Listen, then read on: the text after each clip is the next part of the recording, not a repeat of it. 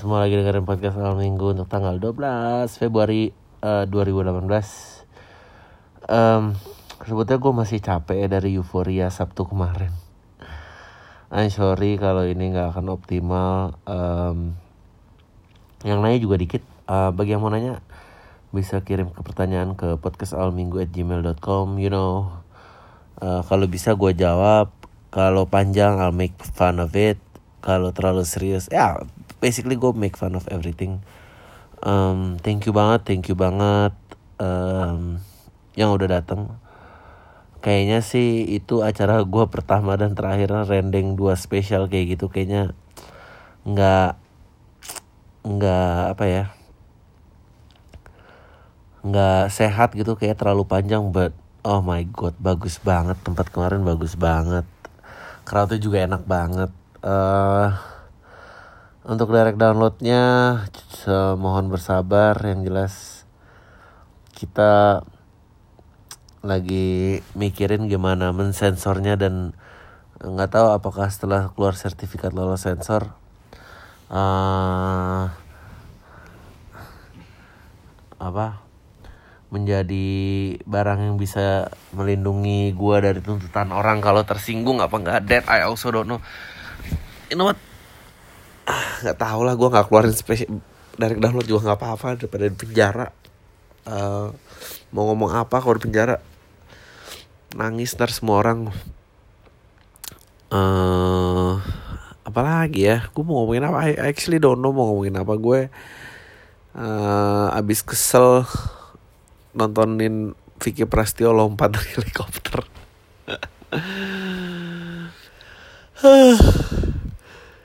Tapi nggak tahu ya kayak gue pengen membahas gue bukan mau pengen paling bener ya. Well gue selalu ngerasa paling bener tapi um,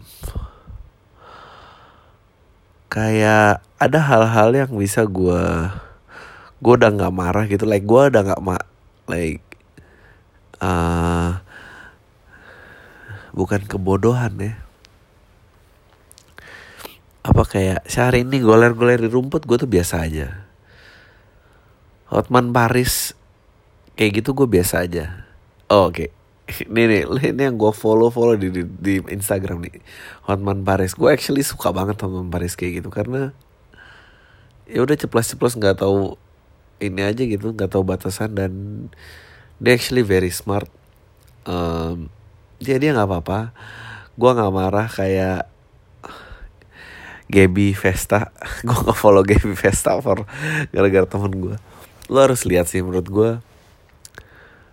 um, I gue gua mau banget kalau bisa dapetin dia di Instagram gitu. I think she live a very rich life. Um, ya dia DJ yang tetenya gede banget gitu. Gue gak follow dia sekarang ini karena gue menarik. Gue kan selalu suka ya cerita-cerita orang yang pindah dari tempat tertentu berusaha survive dan ya udah berhasil survive gitu. Dan dia kayak gue I don't hold grudge with her. Eh, dia kayak cerita dia mantan LC bagi yang nggak tahu LC apa uh, LC itu lady companion gitu buat karaoke nemenin orang-orang yang karaoke nemenin minum joget-joget apalah segala macem. Um, men gue baru aja mempromosikan LC di podcast gue some of them uh, uh, some of them PSK tapi kayaknya nggak semua I, uh, gue mau menjelaskan dunia malam aja nih gitu sepengetahuan gue uh, gue nggak tahu si Gaby itu apa nggak ngerti gue uh, ada beberapa nama artis. Eh gak usah deh gak usah ke sana. Lah ribet. Uh, ya gue nggak tahu tapi the fact that dia bisa survive berhenti pekerjaan lamanya jadi nge DJ good for her gitu. Meskipun mungkin musiknya bukan uh, selera lo atau apa gitu gue sih nggak uh, nggak nggak penting. Tapi gue yakin gue gue lebih lebih bisa ngobrol sama orang kayak dia. Daripada sama Vicky Prastio sih maksudnya gue nggak tahu kenapa kalau Vicky Prastio gue kesel ya gue kesel banget tuh lihat dia lompat dari helikopter terus nyari cincin apa pun itu yang dia lakuin. Uh, ya gue nggak tahu kenapa. Kenapa ya? Apa yang membedakan ya? Uh, padahal oh, gue nggak tahu sih kalau Vicky Prasetyo tuh awalnya apa? Dia awalnya apa sih nggak tahu ya kamu sibuk aja. Um, anakku mau nanya pendapat kamu dong sebelum kamu tidur. Hmm. kenapa? Hmm. kalau Hotman Paris aku nggak sebel. Ngeliat Gaby Vesta aku nggak sebel. Tapi ngeliat Vicky Prasetyo aku sebel. Karena yang kamu nggak sebel itu mm, emang hidupnya begitu? Enggak aku aku pengen Karena banget kalau ada G Gaby Vesta gitu. gitu? Gaby Vesta jadi tamu aku aku I'm sure her story pasti. Iya aku tahu. Tapi kalau nggak tahu ya Vicky Prasetyo tuh apa sih? Dia, dia mau jadi wali kota Bekasi kan waktu itu. Mungkin karena ada politisi kayak oke gue mau bacain Wikipedia-nya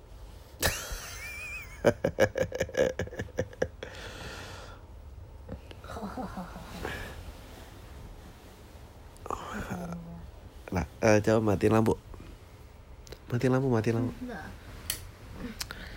Okay. uh, eh, Hedrianto atau yang lebih dikenal sebagai Vicky Prastio?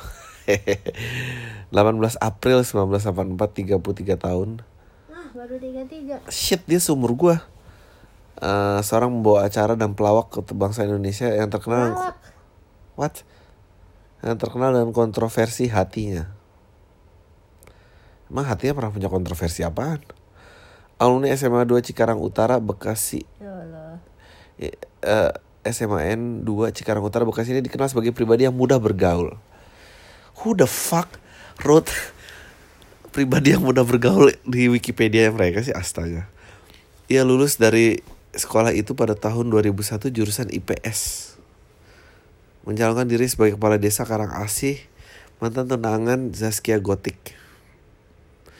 Pertunangan batal karena ada pelaporan tentang kasus penipuan yang dilakukan Vicky sebelumnya. Oh iya dia sih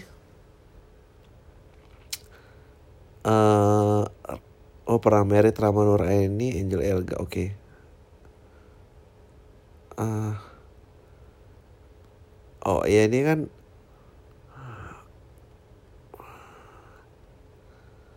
Gak tahu ya. Oh, kasus korupsi yang menyangkut dirinya. Iya. Ah, gak tau lah. Acara TV. Oke. Okay. Anjing, dia pernah ngelola album kontroversi hati 2015. New It Bulaga Indonesia Facebooker Seleb Nyantri Take Me Out Indonesia Vikinisasi uh. Oke kasus Iya dia pernah di penjara Like um, Ya gak salah gue tuh gue kesel gak tau kenapa Mungkin kesel juga karena gue kesel eh kalau acara kemarin tuh kalau ratingnya tinggi tuh gue jadi kayak ya ampun masa gitu segini doang sih? Like how could uh, gak tau lah gue nggak boleh gue sebenarnya ngomong kayak gitu. Dari lo kalau ditawar 200 juta. Main film sama Vicky Prasetyo mau nggak? Ya lah jangan kan sama Vicky Prasetyo 50 juta ya gue juga mau kali maksudnya. Ah idealisme tuh bisa teruji kalau ada yang ngetes. Kalau nggak ada yang ngetes mah mana? Ah. Uh, mana tadi? Uh, ya yeah, I don't know like gue tuh udah malas ya terlibat apa yang bikin kesal gue di urusan mainstream apa yang enggak apa yang ya ya udah biarin aja mau diapain lagi sih kayak gue tahu sih mungkin mungkin karena he pull a stunt. Sehari ini gue nggak sebel maksudnya gue gol golnya dia udah biasa aja. Mungkin karena dia nggak ngelibatin banyak orang gitu gue nggak kebayang kayak gue paling sebel kalau kayak ada konsensus yang menyetujui bahwa ya Vicky kawinannya naik aja helikopter lompat dari atas sana. Anjing. Aduh. Terus jadi kaya bang ya nggak tahu. Nggak ada satupun like kameramen sutradaranya gitu nggak curhat gitu ya sama istrinya atau apa. Aku disuruh ngeliput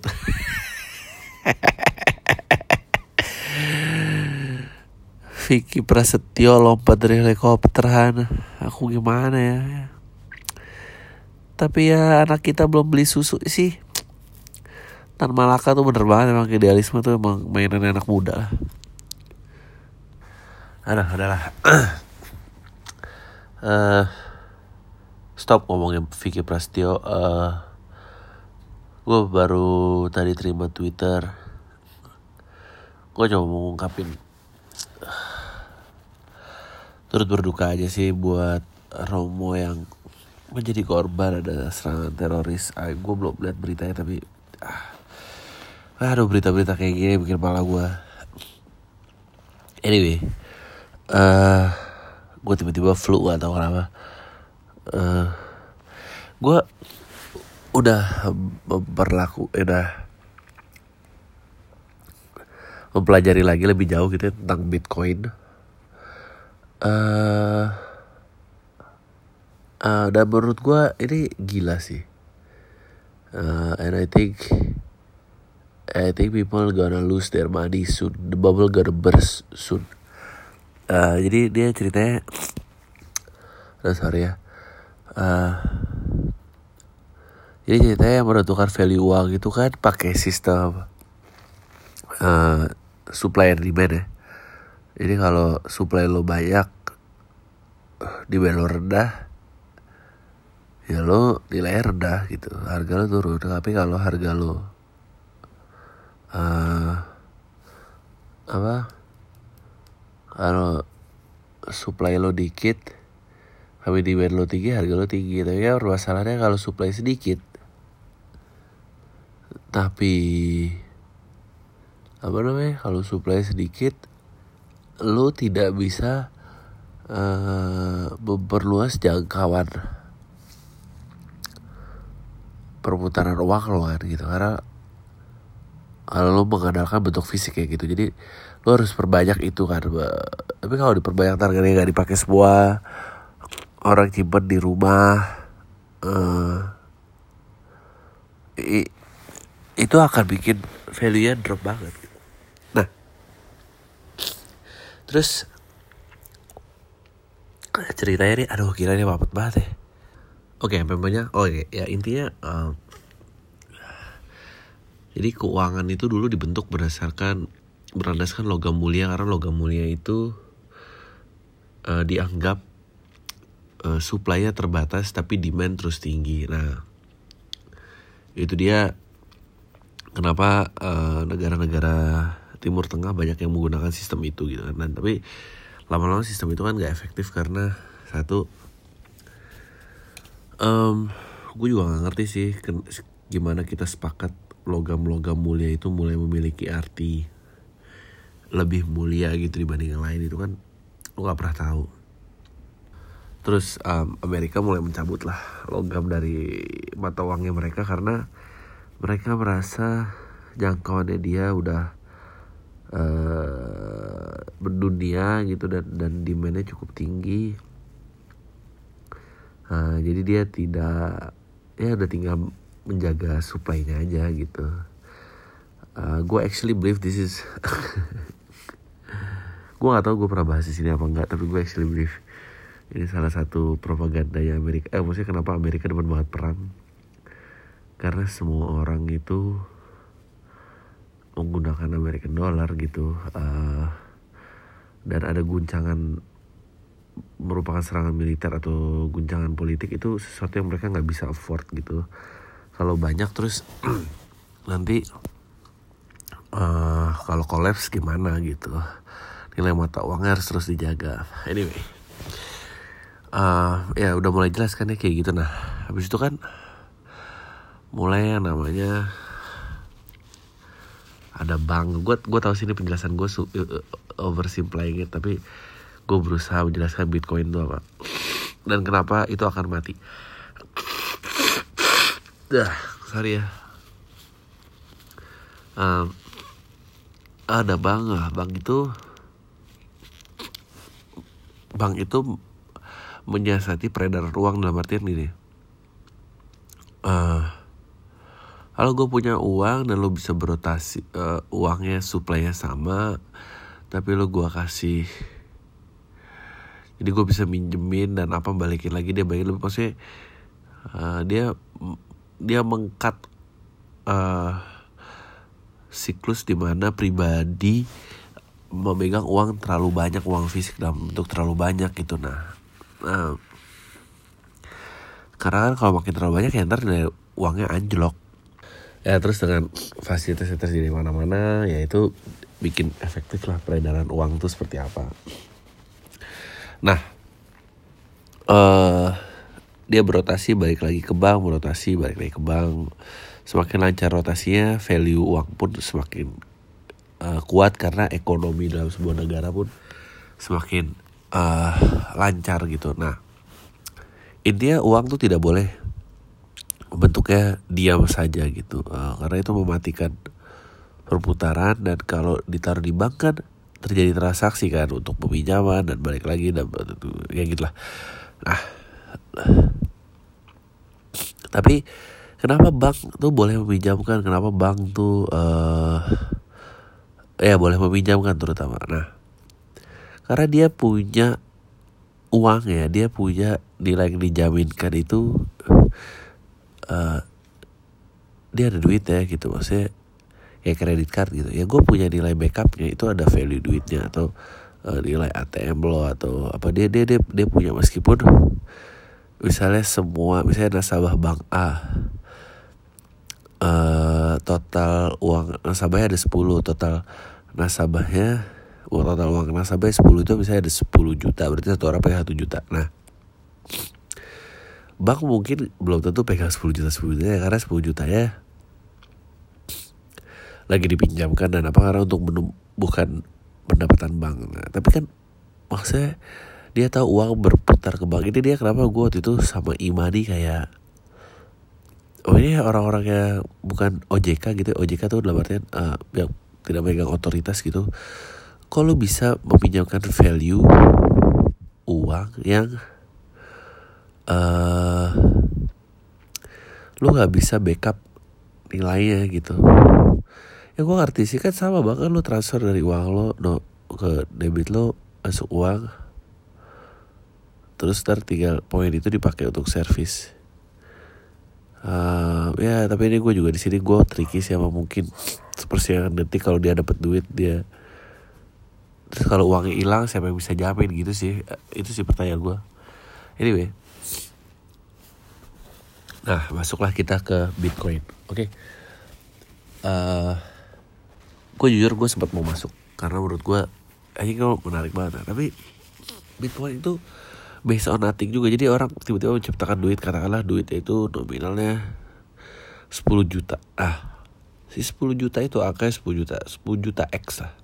Nah, 10 juta itu eh tidak akan ditambah lagi jumlahnya karena udah difasilitasi digital dan eh, segala macam payment gateway apa pun itu.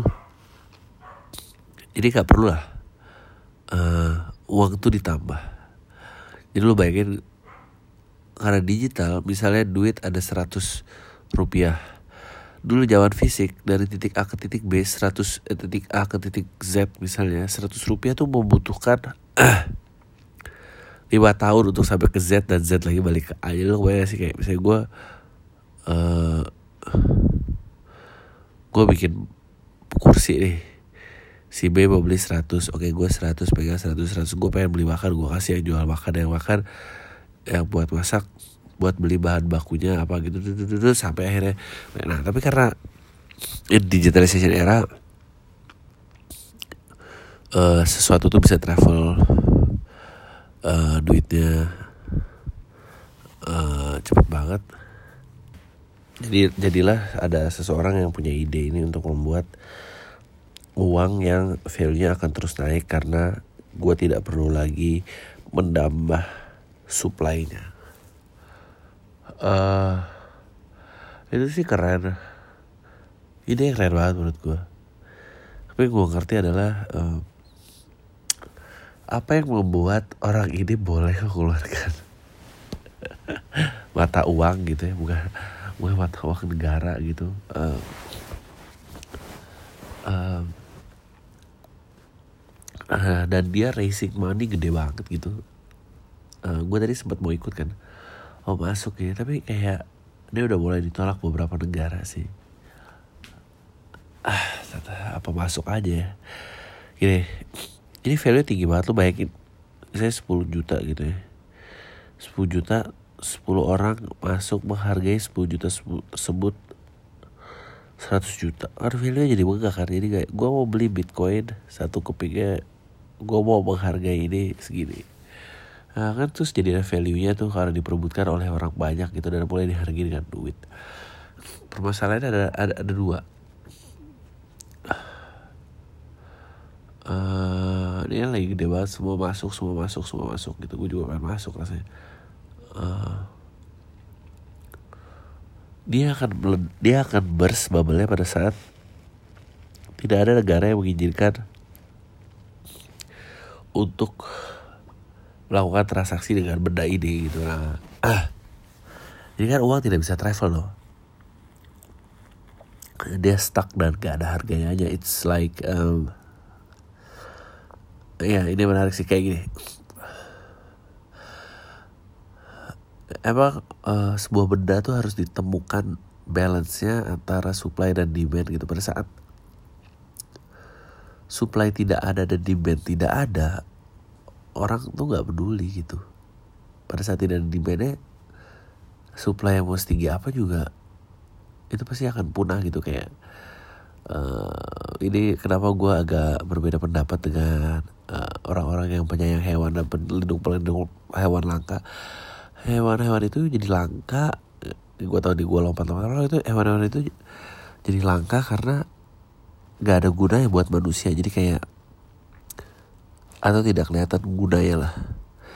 Kayak misalnya harimau gitu. Uh, orang yang keburu banyak apa dan segala macam bla bla bla. But tapi gak jadi komoditas gitu gak jadi ayam. Ayam mulu sembuh udah sebanyak apa pun tetap ada ayam. Karena apa? Karena uh, permintaan tinggi dan jadi kalau suplai lu tambahin terus gak masalah. Uh, jadi waktu itu di Afrika ya ini sakit ya salah satu ya.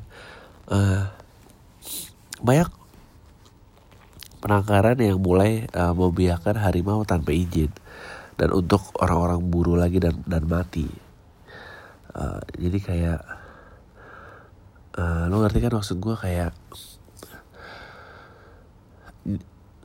kenapa karena menurut gue masih lebih karena gini kalau lo nggak boleh berburu lagi nggak ada yang mau biakin pasti nggak ada yang mau jagain mati pasti itu harimau. Entah alam aja si harimau itu untuk out atau ya lo ya lo harus tanya diri lo pengen ada harimau apa enggak? Gitu. Pengen ada singa apa enggak singa deh jangan harimau.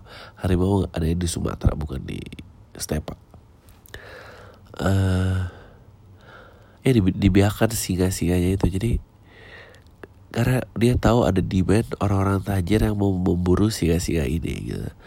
Tapi kalau misalnya dia nggak dapet duit dari bayangan biaya ini gak ada itu kayak kayak slogan-slogan itu yang terlalu pretensius tuh menurut gue gak bantu apa kayak if the killing stop the buying can do bla bla bla. Iya yeah, if the buying stop dan hewannya hilang karena kita nggak nemuin itu dalam kegunaannya kita. Anyway nah ya gitu ya. Mainnya ke bitcoin nah. Pilihan ada dua.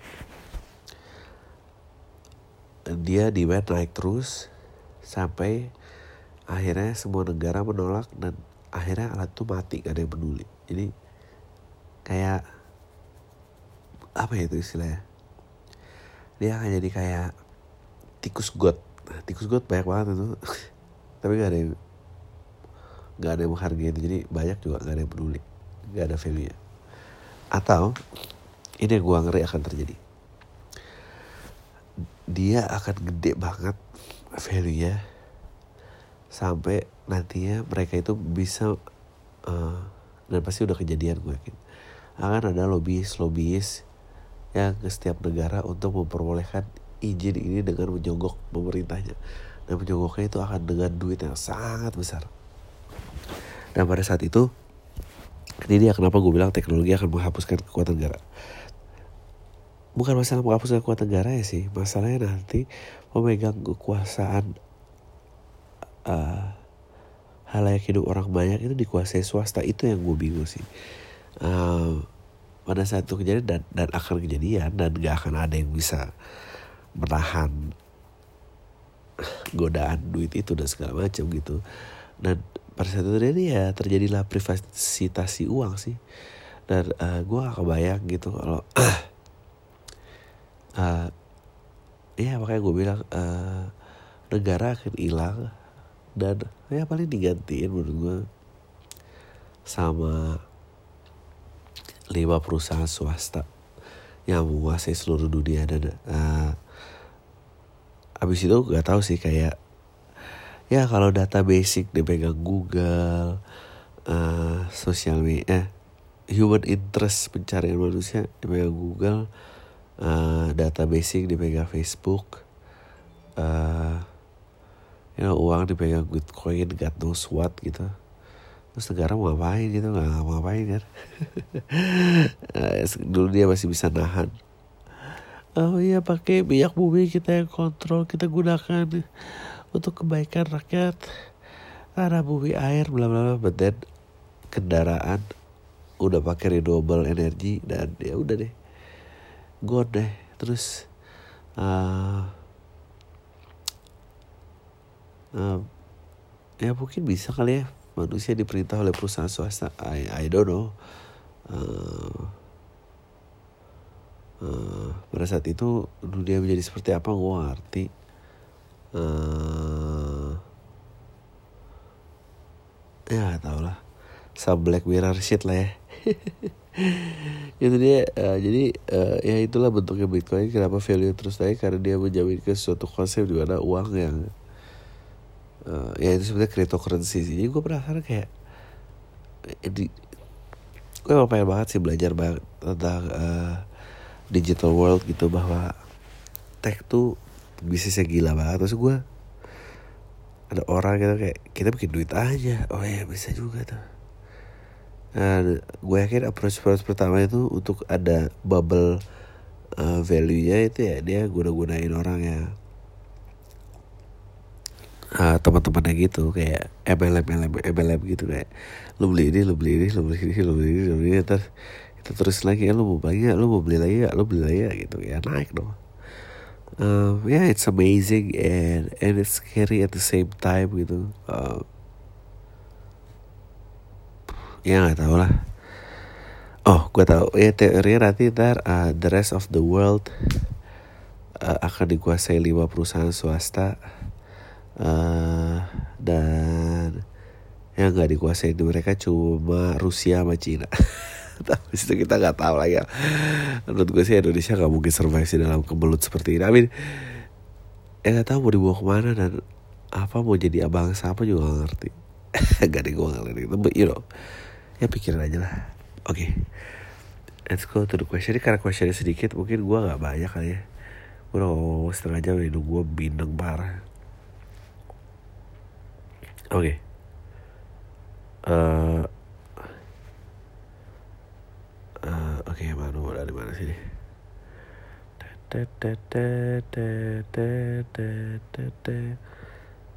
uh, oke okay. Uh, Bang Ari suka film Scarface gak tuh Hadar 1-2 Pulp Fiction Forrest Gump Short Hack Redemption gak?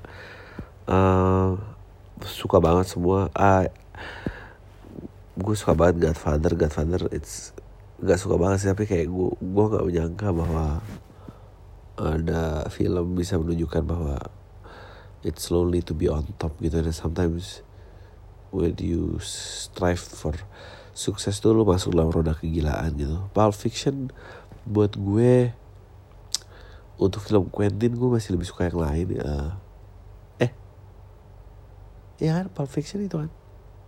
Pulp Fiction yang mana sih? Oh, no, Udah lumayan gak fasih kayak gini-gini. Pulp Fiction. By the way, Postino nomor satu di podcast. Uh, oh. Uh, iya, Quentin yang uh, gue lebih suka Reservoir Dogs sih. Uh, Pulp Fiction susah nggak ada. Gue nggak nyaman nonton filmnya nggak ada jalan cerita. I'm not saying it's such a great movie menurut gue. Quentin adalah sutradara paling hebat dan uh, kalau Quentin tapi kalau Quentin gue lebih suka deh okay. let's see ya filmnya apa aja uh, uh, uh, uh, uh. oke okay, gue lebih suka Reservoir Dogs uh, Inglourious Basterds gue suka Django gue suka Hateful Eight lo nonton. Kill Bill ya itu gue lebih suka yang ada jalan ceritanya pulp uh, buat gue it's a, like it's amazing how it can be a movie but you know gue nggak like you know ceritanya kan apa ketemu apa ngeliat ini ngeliat itu apa segala macam. Um, ya gitu deh. Oke. Okay. apa lagi aduh bintang banget ya Forrest Gump oh ya ya oke okay, Forrest Gump Social Redemption ya oke okay. Forrest Gump gue biasanya tapi ya lucu lah maksudnya ada dibikin minor character yang witnessing many many many important events oke okay. uh,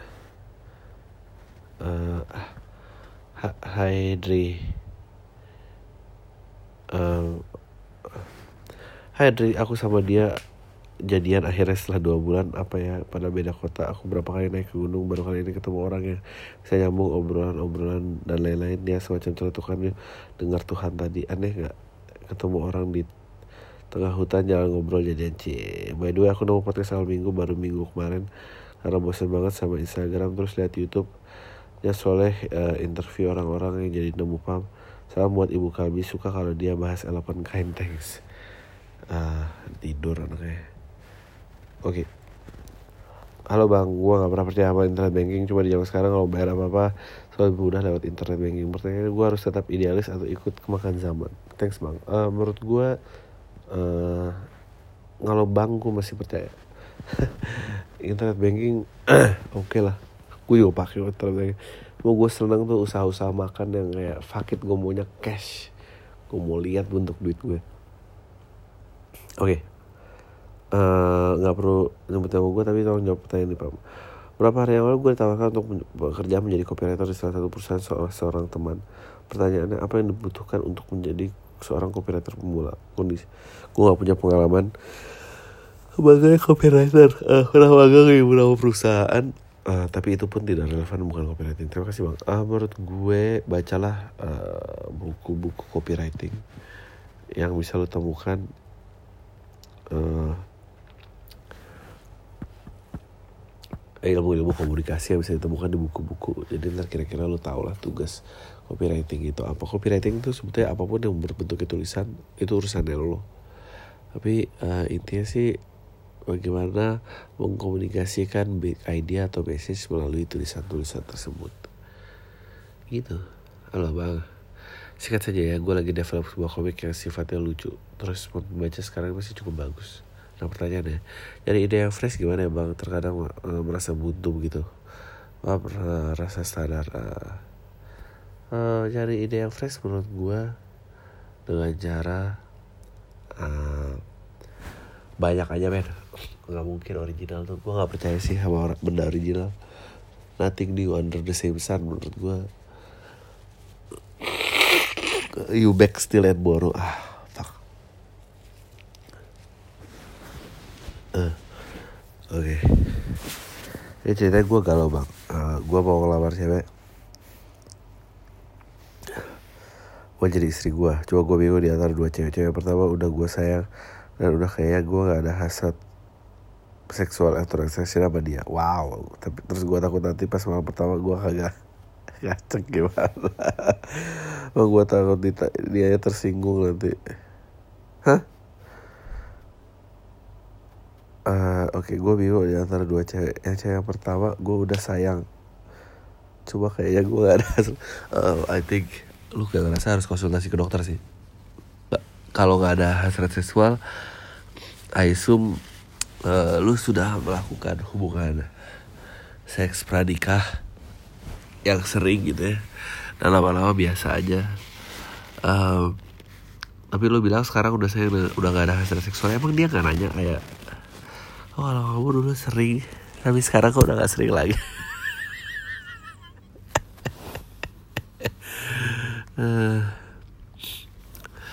Maksudnya udah curiga. Menurut gue kalau emang udah ini Menurut gue sih If you really really need help I think you should consult gitu. Eh, Dia bilang yang kedua Dia cantik baik Tapi gue belum sayang sama dia. Tapi bisa aja sih rasanya sayangnya bakal timbul dengan sendiri dengan berjalannya waktu tapi gak tau juga sih gimana mau cewek pertama apa yang kedua? Menurut gua Duh gua gak tau men Eh,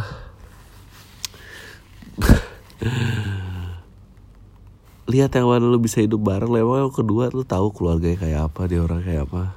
Ah tau lah gue. Eh, seksual ya lu umur berapa sih? I don't know man. Gue juga gak tahu dia gak ada yang ngajarin. Eh, eh, emang gitu ya kalau emang udah keseringan. Nah, maksudnya tuh ada ya film yang membahas kalau udah keseringan lo gak ngaceng gitu ya. Ah, gimana nih gitu. Ah, ditingkatkan seksualitasnya coba-coba area baru mungkin. Anjing gue jadi konsultan. Lalu harus konsultasi ke dokter sih. Oke. Gue baru pindah ke sebuah digital agency. Basically yang gue lakuin adalah sekarang ngeset digital ads di berbagai portal berita yang cover Google. Then it hits like si anjing yang gue paling kesel banget kalau lagi baca berita online ini ada bener-bener ganggu gini Eh, pertanyaan gue gimana lo bisa cope dengan pekerjaan lo di dunia advertising yang banyak dengan tagline-tagline yang mungkin diisi voice over so asik yang sering lo ejekin ala punya radio. Hey what's up guys? Ada apa? Gimana kabar? Amin. Ada gak poin lo buak dengan tagline kayak gitu? Oh ada banget lah. Ada banget lah. But you know gue makan dari situ banyak gue berusaha menyimbangkan kalau gue ngeledek ya ya udah tapi ya buak lah pasti Bang lo tau gak pembe- pembebas hutang di Cirebon ah? Yang pengikutnya kayak banyak dari seluruh dunia. Namanya Suicido Coba dibahas di podcast. Oke gue nih menarik. Gue harus cari tahu sih.